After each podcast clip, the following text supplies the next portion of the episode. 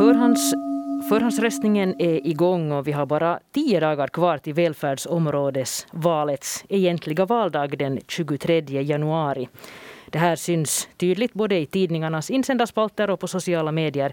Så en spirande valfeber tycker jag nog att man kan känna av trots att det här valet har kallats för både osexigt och obegripligt. Vi ska också tala val här i slaget efter tolv idag och framförallt hur det ser ut i egentliga Finland.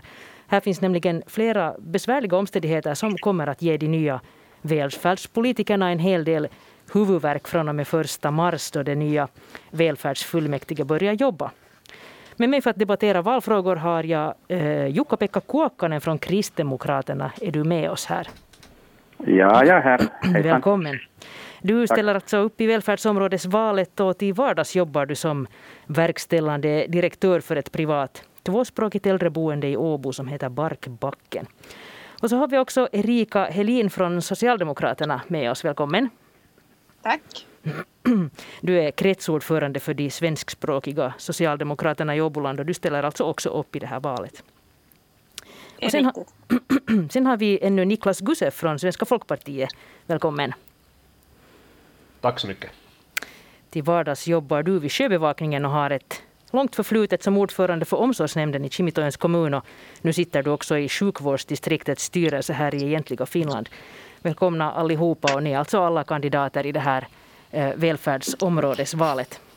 Det där, om vi börjar med en kort runda eh, det där allihopa. Hur hög valfeber känner ni av? Vad säger du Erika Helin? Har du någon valfeber?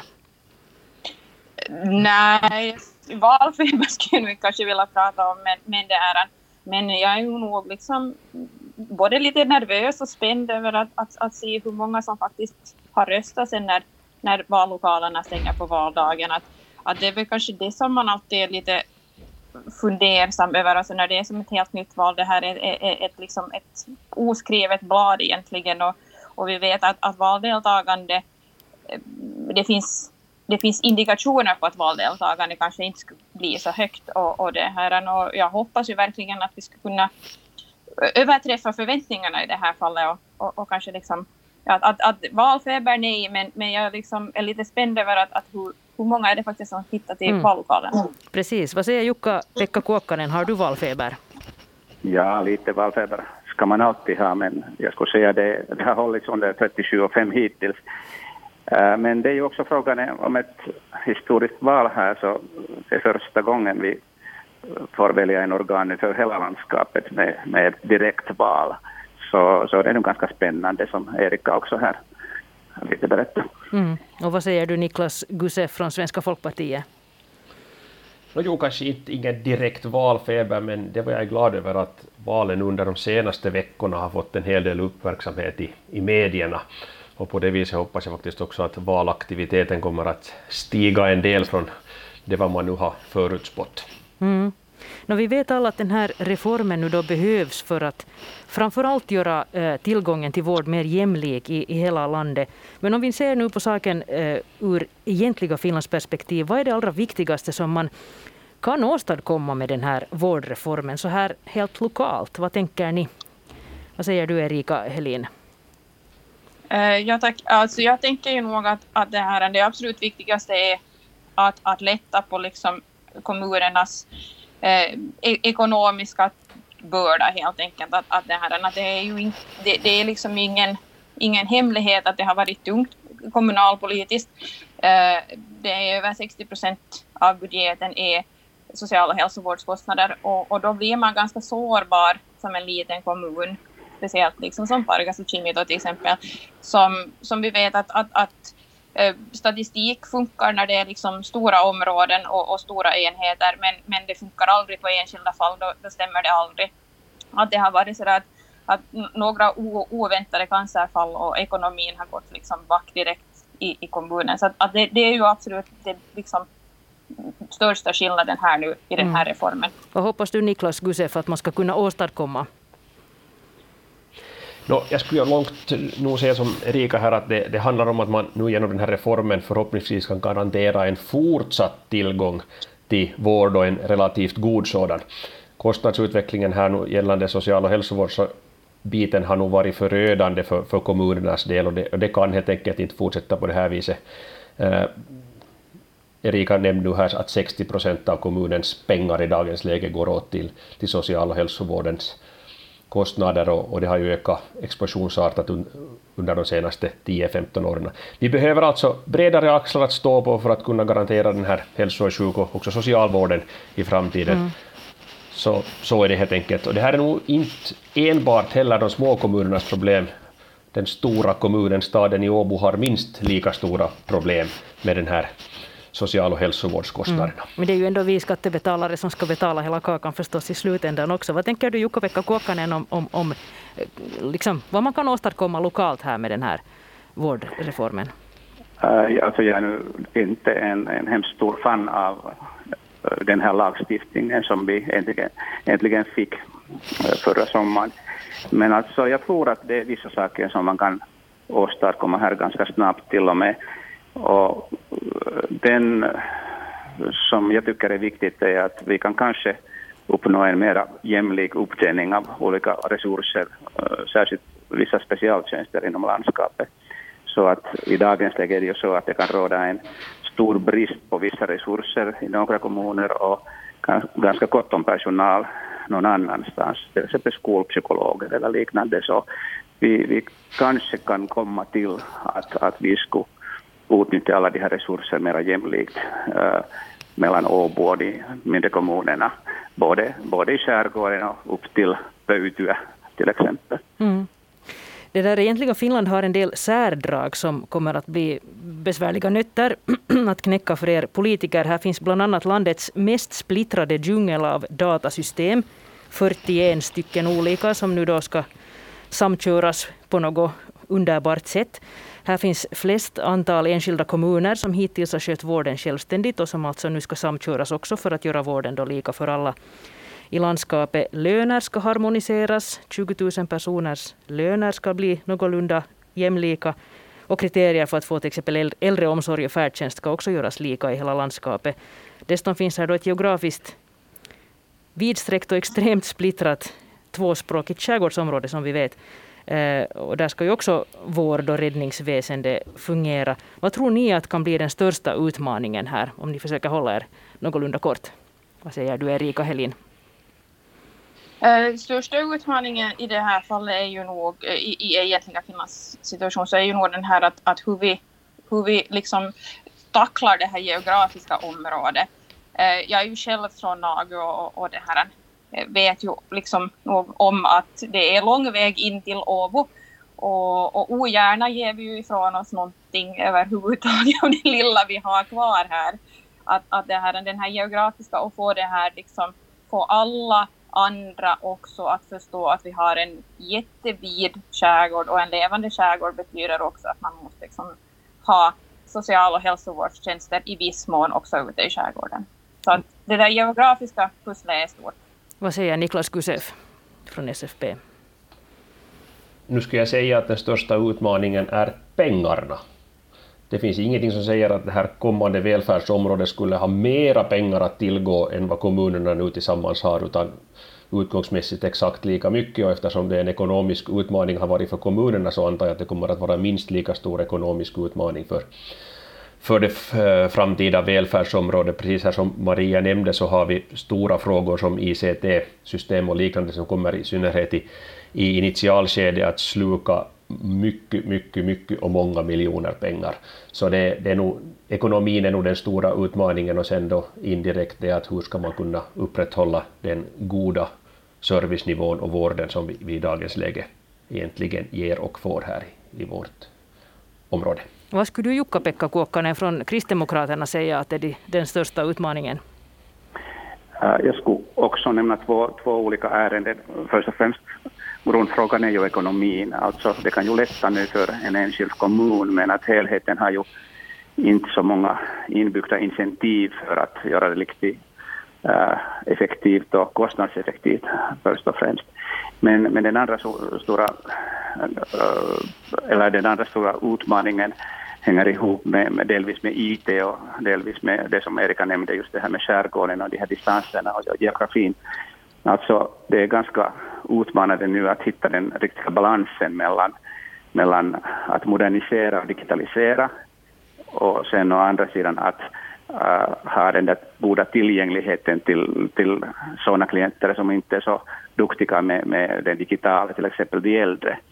Så att vi, äh, vi inte är alltför moderna här, men att sen kan, kan liksom dra nytta av det som är gott och användbart nu här med, med IT och det digitala. Så den här balansen kan vara riktigt, riktigt svår, och, svår och det blir intressant att se hur, det, hur vi alla lyckas med det. Mm. Ja, en, en, viktig fråga är, är, givetvis hur vården på svenska kommer att ordnas i, i fortsättningen. Det bor totalt knappt en halv miljon människor i egentliga Finland och av dem talar då cirka 28 000 svenskar. Det är ungefär 5,7 procent. Vad tänker ni om den här svenska rösten i, i, i det här nya välfärdsområdet? Hur ska den bli hörd i ett fullmäktige där det sitter nästan 80 ledamöter? Om vi börjar med eh, Niklas Guse från SFP här nu till först. Jag skulle säga att den kommer att förhoppningsvis bli hörd på två sätt. Först och främst genom att det finns ledamöter som vågar stå upp för den svenska servicen i vått och torrt. Men egentligen så nog ännu mer genom kontakter och samarbete över både parti och språkgränserna. Det är nämligen i det skede som ärenden bereds och exempelvis större förändringar planeras så man måste vara aktiv, det är då man kan inverka på saker och ting. Det är ofta för sent när större ärenden kommer till fullmäktige för beslut att, att då så att säga vakna och stå på barrikaderna. Eh, därför är det nog extremt viktigt att vi i framtiden har invalda i fullmäktige och förhoppningsvis i styrelsen också på välfärdsområdet insatta och erfarna personer som har kontakter till de andra partierna och också till tjänstemännen, för det är ju där som allt startar i beredningen, att tjänstemännen kommer med ett beredningsförslag. Mm. Erika Helin, du berättade för mig här inför den här diskussionen att det är oerhört viktigt att rätt människor blir invalda i fullmäktige från just Socialdemokraterna eh, med tanke på svenskan. Vad, vad menar du med det? No, lite samma sak som, som Niklas var inne på här, att, att har man ens lite politisk erfarenhet så vet man att, att det är nog för sent att börja, börja lobba för sin sak i fullmäktigesalen och under den diskussionen, utan, utan då vill man vara på riktigt med och påverka så är det, gäller det att ha en svensk röst med på, i så många partier som möjligt när det kommer till de här parti, eh, liksom, interna gruppmötena före fullmäktigemötena. Att det är ju nog där man har chansen att påverka och, och, och, och, och liksom faktiskt göra skillnad. Att det här, jag tycker ju kanske inte att man ska samla alla ägg i samma korg.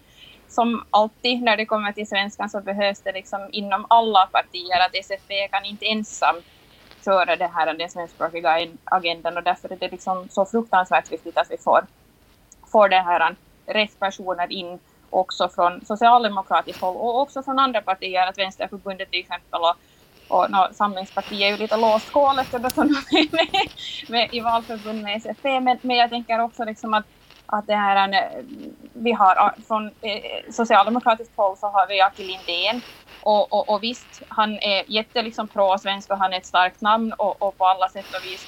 Men det, att du är pro-svensk betyder inte att du liksom kanske alltid har den där praktiska erfarenheten och förståelsen att till exempel att fast man jobbar på finska och klarar sig ganska bra på finska i vardagen eh, så är det inte alltid självklart att man kan förklara för en läkare att, att, att när jag andas in djupt så, så smärtar det till i diafra, diafragman till exempel. Att det, det, där, där blir det liksom, det, det är praktiska vardagliga situationer som man behöver kunna förklara för mm. partikamrater och finskspråkiga. Men hur är det med intresse för svenskan inom Socialdemokraterna i egentliga Finland? Finns det något intresse för svenska frågor? Eh, eh, socialdemokraterna är av tradition Finlands största tvåspråkiga parti och, och vi har FSD en, en, en stark kraft inom socialdemokratin så jag är inte alls orolig för det. Vad, vad beträffar egentliga Finland så som jag sa vi har Aki Lindén och han är en av de absolut starkaste namnen på listan för tillfället. Och, och det här, och jag tror och hoppas att det, här, att, att det finns liksom en, en god inställning till svenskan. Vi har eh, åtminstone liksom på riksnivå är, är, är det här en inställning till svenskan inom socialdemokratin mycket god. Och det mm. här, Och, och, och jag, men fortsättningsvis så vill jag po poängtera det att bara för att man har en god inställning så betyder det inte att man har den där praktiska förståelsen och erfarenheten av vad det betyder att vara finlandssvensk i Finland och i egentliga Finland. Utan där behövs det den här starka rösten. Hur är det med intresse inom Kristdemokraterna för svenska frågor i egentliga Finland? Jukka-Pekka Kuokkanen. Uh, tack. Jag skulle säga den är, den är nog en stigande, ett stigande intresse. Alltså, I Österbotten har ju KD alltid haft en riktigt stark profil på svenska, men jag skulle påstå att här i Åboland, eh, vi som praktiken använder svenska hela tiden i, i arbetet eller, eller där hemma, så, så det är en växande andel av oss. Det är inte bara vår organisation KD Svenska som, som är vårt språkrör liksom här, utan också, också många andra finns. Och med, med tanke på den frågan som du, som du nämnde här för om, om den svenska rösten i landskapet, så trots det att SFP nu just driver en riktigt fin och aktiv kampanj inför valet så tror jag inte, om man nu säger lite lekfullt, att jag tror inte att, det, att eh, SFP kommer att uh, nå en enkel majoritet i, i fullmäktige, så därför behövs vi andra också. Så det, det finns nog samarbete, samarbete, samarbete här alltså mellan de övriga partierna som också i, i, jag skulle säga att i de flesta partier finns det nog folk här i Åbotrakten som, som ser att de här språkliga rättigheterna är nog ett riktigt viktigt ärende. Mm. SFP är ju ett maktparti i de åboländska kommunerna Pargas och Kimitoön. Där I Pargas har man till och med enkel majoritet i fullmäktige. Eh, men, men i och med den här reformen så kommer det att se väldigt annorlunda ut. Som sagt, det finns 79 platser i fullmäktige och, och eh, SFP hoppas på maximalt sex av de här eh, platserna. Det här har lett till, till, en eh, ganska livlig debatt på Åbo underrättelsers insändarsidor. En ganska invecklad diskussion om valmatematik där vissa ledande eh, politiker uppmanar folk att säger vilka SFP-are man borde rösta på. Alltså att man bara skulle få rösta på sex så kallade toppkandidater för att optimera då den här möjligheten att faktiskt få in just de här. Det där, hur oroade är ni nu riktigt inom SFP för er sits och ert inflytande när man måste gå så här långt att man börjar ge, ge, ge liksom direktiv åt folk hur de ska rösta? No, uh, om vi först tar det där som du nämnde om Pargas och, och Chimitoön med, med en SFP-majoritet, så visst kommer ju skillnaden att vara märkbar för Pargas och Chimitoöns del i framtiden när det gäller social och hälsovården. Det kommer den att vara för alla kommuner och städer. Man kommer inte ha möjlighet att ensam kunna bestämma om hur det, hur det ser ut där. Uh, som sagt kommer det att finnas ett stort behov av intressebevakning genom en stark SFP-representation i kombination med gott samarbete från de andra partierna och, och visst är det här alltså den här eh, samarbetet nu med, med, med Samlingspartiet, valförbundet här, så det är, det är en genomtänkt taktik. Det beror helt enkelt på det att skulle SFP ha gått in på för egen lista och vi skulle ha gjort ett pangval med, med 10 eller till och med 12 000 röster så, så skulle vi teoretiskt sett maximalt ha kommit upp till till fyra invalda och det skulle då inte ha berättigat oss till en, till en plats i styrelsen. Så därför detta samarbete med Samlingspartiet som då förhoppningsvis ska ge oss minst sex platser och kanske sju eller åtta om, om allt går väl och, och stjärnorna står rätt till den 23 januari. Så, så det är alltså ett, ett helt tydligt och, och, och genomtänkt val som vi har gjort i det här. När det gäller de här namngivna eventuella toppkandidaterna där inte minst har ta, ta ställning till det, men, men som sagt eh, varför vi inte heller har en det många har frågat efter att de här superkända kandidaterna fattas från SFPs mm. lista den här gången och det har exakt att göra med den samma saken att vi behöver få sex, sju eller åtta personer som får lämpligt mycket, alltså tillräckligt många röster för att komma, komma in tillsammans från Samlingspartiets lista. Skulle vi då ha haft en superkandidat som skulle dra 8 eller 10 000 av SFP-rösterna i regionen så skulle det betyda att endast den personen skulle ha kommit in. Så, så den här optimerade Ett, valmatematiken börjar val. för länge sedan. Okej, det där Absolut. 15 000 svenskspråkiga bor i Åbo, Åbos kranskommuner och resten ungefär lika mycket till, eller 13 000 finns då i den mycket vidsträckta åboländska skärgården. Eh, hur ska man garantera att den svenskspråkiga befolkningen får vård på svenska i fortsättningen? Vad, vad skulle vara liksom den optimala lösningen? Vad säger Erika Helin från Socialdemokraterna? Ja, tack. Eh, det här, eh, det här, vi, vi har liksom egentligen två olika eh, problem att, att tacklas med här. Och det, det, det, liksom det första är att hur man hanterar Åbo med transkommuner, där, där det, här, det, det, finns då den här risken att om man, om man smalnar av på antalet hälsovårdscentraler så, så minskar också, eller liksom, så det behövs kanske liksom där en, en eller liksom ett antal hälsovårdscentraler där man är koncentrerad på, på svenska och, och, och garanterar att det finns svenskspråkig personal eftersom vi vet att det inte räcker till till alla. Men uh, i, i Pargas och och i skärgården så handlar det ju nog mera om det att vi behöver bibehålla de hälsocentraler och, och de hälsostationer som vi har, att här är svenskan så stark att, att det liksom finns, finns inte ens på kartan att man kan komma ut och jobba hit och, det här, och inte kunna svenska.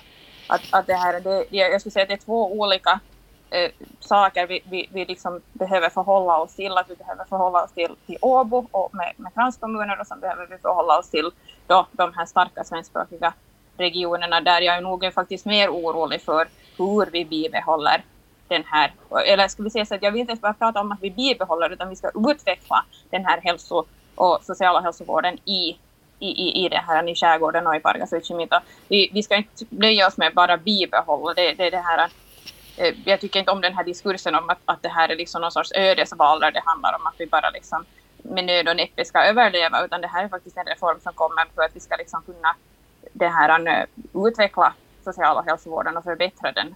Mm. Här i Yles valkompass så finns det påståenden gällande just den svenska vården. Bland annat ett som låter så här. De språkliga rättigheterna tryggas bäst genom att svenskspråkig service koncentreras till vissa enheter. Det som du, Erika Helin, var inne på här, att kanske man i Åbo och kranskommunerna borde då koncentrera svensk vård till vissa enheter. Vad säger du, Jukka-Pekka Kuokkanen? Du har svarat delvis ja på den här frågan också. Berätta, hur tänker du? Jo, jag tror att eh, det är nog en, en av strategin eller taktiken här, men det räcker inte till med det. Att vi skulle bara göra så här. Jag tycker vi, vi, vi ska ha liksom två strategier här parallellt med varann. Alltså vi skulle å ena sidan vara tvungna att satsa på, på sån här koncentrerad service av, av riktigt bra kvalitet på svenska på vissa centralställen och på Parkas, Och, och sen å andra sidan se, se till att den här allmänna nivån på tvåspråkig service sådär generellt i Åboland skulle höjas så småningom. Alltså jag har inte förlorat hoppet om, om det heller. Och eh, eftersom jag, jag tycker inte att det räcker med att, att liksom klienterna som vill ha service på svenska skulle bli nöjda genom att, att alltid vara tvungna, till exempel i, i Åbo, till just den där centralen, om det nu sen är Åbolands sjukhus eller något annat ställe, att, att få service på sitt eget språk så, så jag tycker nog att vi absolut måste också se efter att, att den här allmänna nivån hålls och hellre höjs än, än att, att det skulle, vi skulle förlora på den punkten. Mm. Niklas Gusev, du har svarat delvis nej på den här frågan. Du vill inte koncentrera vård på svenska. Hur tänker du där?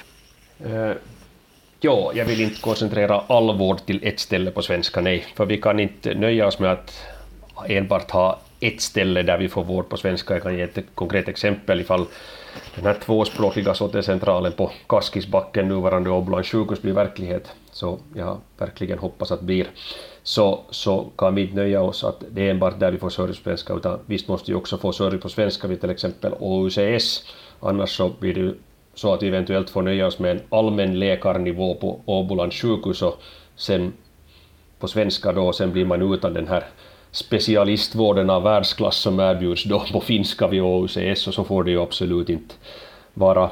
Ett annat exempel är ju socialvården, exempelvis hemvården. Inte kan det vara så att, att det erbjuds hemvård på svenska endast i Pargas och på Kimitoön. Du ska vara berättigad till hemvård på ditt modersmål, svenska eller finska, oberoende var, var i regionen du finns. Så, så det är en det är en lite svår fråga att tolka om man får kritisera YLE och mm. frågorna, så den här är en sån som delvis ja, delvis nej, det är lite hur man tolkar det här. Men visst, alltså praktiskt sett så måste vi ju nog koncentrera också servicen majoriteten av servicen till, till ett ställe och då är det framförallt det här Åbolands sjukhus framtid nu sen som en, som en utvidgad framtida SOTE-central med allt vad som där hör till som jag verkligen hoppas att, att blir verklighet som skulle komma att kunna koordinera verksamheten också ute i Pargas och, och, och på Kimitojen. Mm. Det här skulle, skulle ge oss liksom nya möjligheter. No, Erika Helin, du ville kort kommentera.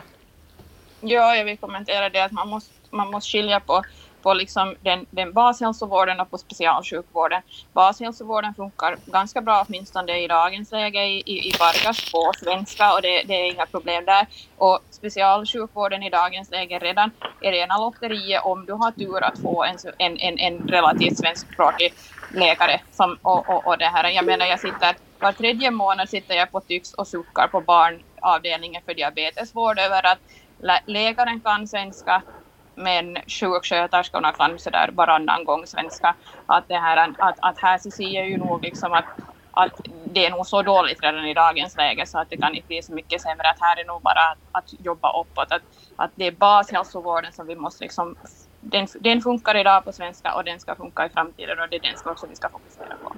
Mm, Niklas Kusef ville säga. Jo, jag skulle ännu kanske kommentera att, att eh, ett av målen med den här reformen är ju nu att integrera bashälsovården med specialsjukvården och, och därför kommer också enligt planerna att ge en viss nivå av specialsjukvård på framtidens SOTE-centraler. Så, så med tanke på det så, så kan vi som sagt inte vara, vara nöjda med att få endast på ett ställe heller mm. specialsjukvård. Okej, ett annat orosmoln som delvis hör ihop med den här språkfrågan är också då vården i glesbygden. Vi har tangerat den och alltså vården i skärgården uttryckligen på det här väldigt vidsträckta området. Eh, min kollega Jesper Alm gjorde ett besök i Korpo här i höstas och frågade Korpoborna vad de tänker om välfärdsområdesvalet. Och de flesta som tillfrågades så var faktiskt jättebekymrade. Och det, någon slags krismedvetenhet verkar finnas där. Man är hemskt orolig för vad det här reformen kommer att medföra för deras del. Alltså alla bekymrar sig för att man kommer att dra in servicen det första man gör. Eh, nu finns det ju små hälsostationer i alla de här gamla skärgårdskommunerna. Nagu, Korpu, Hotskär och Inja till exempel. Är det nu realistiskt att förvänta sig att de fysiskt ska finnas kvar också i, i fortsättningen efter att besluten fattas av ett stort fullmäktige som finns i Åbo? Vad säger Jukka-Pekka Kuokkanen?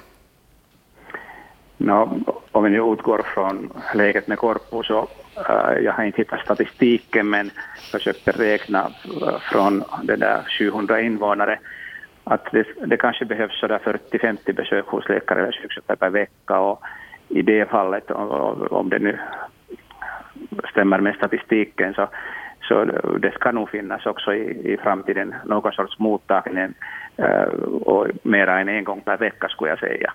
Och ekonomiskt blir det ju en utmaning men, men sånt är livet så vi, vi, vi ska se till att det, det finns mottagning där. Uh, en riktigt bra möjlighet, ett alternativ är ju de här hälsobussarna till exempel som man har talat om och eh, jag vill, jag vill, jag vill berätta, den är ju ni, inte någon precis nu uppfinning heller. Alltså jag jobbade själv länge inom företagshälsovården och redan på 90-talet, alltså 20-30 år sedan, hade en av de här största riksomfattande firmorna en, en sån här hälsobuss som besökte regelbundet de fabriker som var lite längre borta, borta från städerna. Så, så det funkar nog i praktiken och man kan till och med erbjuda läkarservice med, med den, inte, inte bara uh, sjuksköterservice eller laboratorieprovtagning. Så att absolut ska vi ha någonstans mottagning i, i motsvarande ställen som, som Korpo. Mm. Men det är en, en knepigare fråga som sen vad kommer uh, att ske med med beslutsfattandet i, i praktiken. Och eh, det är ju så att eh, Åbo är den överlägset eh, största kommunen, den största staden här i landskapet, men man ska nu komma ihåg före valet, eller när vi ännu har en möjlighet att rösta, så det är ju bara 40 procent av hela befolkningen som bor i Åbo, av alla, alla från landskapet, så att vi ska nu rösta riktigt att också vi andra, andra kommuner får, får sig stöd. Mm. Hälsobussar och, och, de flesta partier så talar sig också varma för olika digitala lösningar, distansmottagningar på, på skärm. Eh, det där, är det nu framtiden för skärgårdsborna? Vad säger Erika Helin? Ja, alltså delvis. Det, det är ju alltså en, en tjänst som jag nog inte har känt till att Pargas åtminstone skulle ha bejakat hittills, så jag har stora förhoppningar på att det skulle kunna liksom förbättras och utvecklas. Speciellt jag själv skulle gärna använda den mera och, och, och istället för att åka in till Pargas och det här. Och jag, det, såklart, det finns eh, personer som behöver få träffa läkare och då ska det också finnas möjlighet. Men att, att det här, man kan liksom kanske eh, minska det här antalet fysiska besök med att komplettera med, med, med tekniken. Och sen så måste jag också liksom här säga ändå att att det här, äh, i, de här eh, skärgårdsbor har absolut inga orealistiska förväntningar. Vi förväntar, förväntar ju absolut ingen sortecentral i Korpo, utan, utan det vi vill ha är ju att den här hälsogården som redan finns i, i de här olika kom, gamla kommundelarna ska fortgå och fungera och det blir bara dyrare att ta bort dem. Så jag, är, jag är kanske liksom inte personligt så orolig för att den skulle på något sätt skalas av, för att den här liksom, eh, förebyggande hälsovården är ändå så viktig och det är ju nog tjänstemän och, och politiker ändå medvetna om sen tidigare. Att, att jag är inte alls orolig för att man på det sättet, det, det är kanske den här läkartjänsterna som, som kanske då ligger i, i, i vågskålen mest. Och, och hittills åtminstone har nu Pargas varit så styrmoderliga att vi har nog liksom tilldelat små smulor hittills. Så, så att i det fallet har jag svårt att se att kan det bli så mycket sämre än det faktiskt är. Att jag har nog jag har förhoppningar om att det kanske inte blir så nattsvart som det emellanåt kanske känns. Mm. Niklas Gusev från SFP. Jo, visst är det så att på längre sikt så är det nog digitala tjänster som kommer att kommer att vara, vara lösningen. Knappast kommer några större förändringar att ske genast den första i första 23, men på sikt, ja. Och det här gäller nog inte heller enbart skärgårdsbefolkning. Jag tror också att Åboborna kommer i de flesta fall att vara i kontakt med läkaren digitalt i framtiden. Det betyder naturligtvis inte att alla besök inom vården kan ersättas med digitala tjänster. Det finns naturligtvis åkommor och tillstånd som nog i framtiden också behöver fysiska besök och kontakt. Mm. Vad säger du Jukka-Pekka Kuokkanen ännu om det här med, med, med, att gå ganska långt in för, för de här skärmbesöken? Är det, du jobbar ju med äldreomsorg. Ja, alltså jag har ju tidigare jobbat mycket med läkarcentraler och företagshälsovård och sånt och där har jag sett att det är en riktigt bra lösning för, för ett flertal fall. Men allt kan man inte ta hand om digitalt och, och, och sköta via skärmen. Och särskilt när det gäller eh, seniorer och en del av de som har vissa funktionsstörningar så, så man ska komma ihåg att det ska alltid nog också finnas alternativ för dem som inte alltid gillar dem eller inte riktigt behärskar det där, det, där redskapet. Ja, vår klocka tickar och snart får vi dra streck för den här diskussionen. Men eh, jag tänkte eh, en, en special, vad ska vi säga, omständighet i Åbo är ju också att det är en stor studiestad. Här finns över 30 000 studerande eller någonting i den stilen. Och, och vi vet också att Åbos eh, det där akuta ungdomspsykiatri, alltså den som finns inom OUCS, den är fullständigt underbemannad och man får räkna med att ligga på madrasser i korridoren om man blir akut intagen där. Men den här psykvårdsfrågan den har inte diskuterats, tycker jag, nästan alls. Jag undrar varför inte, Niklas Gusev? Nej, förvånansvärt lite har den faktiskt diskuterats. Det finns ju, precis som du beskriver här, stora utmaningar inom psykvården för tillfället. Det gäller både ekonomiska resurser som inte finns tillräckligt av, men framförallt bristen på personal, bristen på utbildad personal inom området. Fast man nu snabbt skulle ge märkbart mycket mera pengar till psykvården så finns det helt enkelt inte tillräckligt med personal att tillgå. Så därför måste man nog komma upp med en långsiktigare plan som, som startar med många nya studieplatser inom hela fältet för, för psykvård och sen därtill då förstås märkbart höja resurserna på den ekonomiska sidan för att lösa det här. Det är ingenting som vi kommer att lösa på ett år eller två. Vad säger du Erika Helin, varför har man inte diskuterat eh, den här psykiatriska vården? jag, tycker att det finns, jag tycker att det finns många delar inom den här sociala hälsovårdsreformen som inte har diskuterats eller som mer eller mindre glöms bort. Det här är tyvärr en av dem. Det, är, men det, det kan också korrelera med det att, att, att politiker generellt kanske inte har så stor erfarenhet och kunskap kring de här sakerna. Och, och, det här, och då, är det, då är det också svårt att prata om dem. Det, det här det, det, är svår, det, är också så, så, som Niklas säger att, att det liksom, fast vi skulle hälla mycket pengar in i systemet just nu där så räcker helt enkelt inte personalresurserna till och, och det är liksom det är ett komplext och stort uh, utmanande problem, ska jag säga, som, som vi måste ta tag i och, och som tyvärr också, skulle jag nästan säga, har hamnat mera i skymundan Eh, eller det har liksom hamnat dubbelt i skymundan tack vare den här SOTE-reformen men också på grund av pandemin. Att, att det, här, det, det, det sker fokus från två håll när det mm. kommer till liksom psykvården. Jukka-Pekka Kuokkanen, du ska få äh, sista ordet här. Berätta hur ska du, hur skulle du vilja åtgärda den här frågan med, med äh, överbelastad ungdomspsykiatri? No, jag skulle nu först och främst, alltså jag Äh, håller med de här äh, konkreta åtgärderna som Niklas här tog fram. Men att äh, jag skulle säga, jag skulle helst börja på en ännu högre nivå i beslutsfattandet och hela den här diskussionen. Varför vi inte har talat så mycket om det i media och i allmänhet är kanske att det finns ännu tyvärr kvar lite av det stigma som har tidigare präglat alla de här Eh, mentala sjukdomarna och nu har depressionen och OCD och panikattacker, de har, de har fått sitt ansikte i media till exempel, men det fattas ännu för de här allvarligare mentala sjukdomar och, och sådana här psykoser och sånt. Så vi måste börja liksom helt enkelt tala mer om dem, prioritera dem mycket högre i, i beslutsfattandet helt och hållet. Mm. Okej, här ska vi dra streck för slagens, dagens Slaget efter tolv. Tusen tack till er som var med. Alla alltså kandidater i välfärdsområdesvalet i egentliga Finland. Erika Helin från Socialdemokraterna, Jukka-Pekka Kuokkanen från Kristdemokraterna och Niklas Gusev från Svenska folkpartiet. Du kan eh, förhandsrösta fram till den 18 januari. Själva valdagen är sedan då söndag den 23 januari. Kom ihåg att gå och rösta. Jag heter Maria Nylund.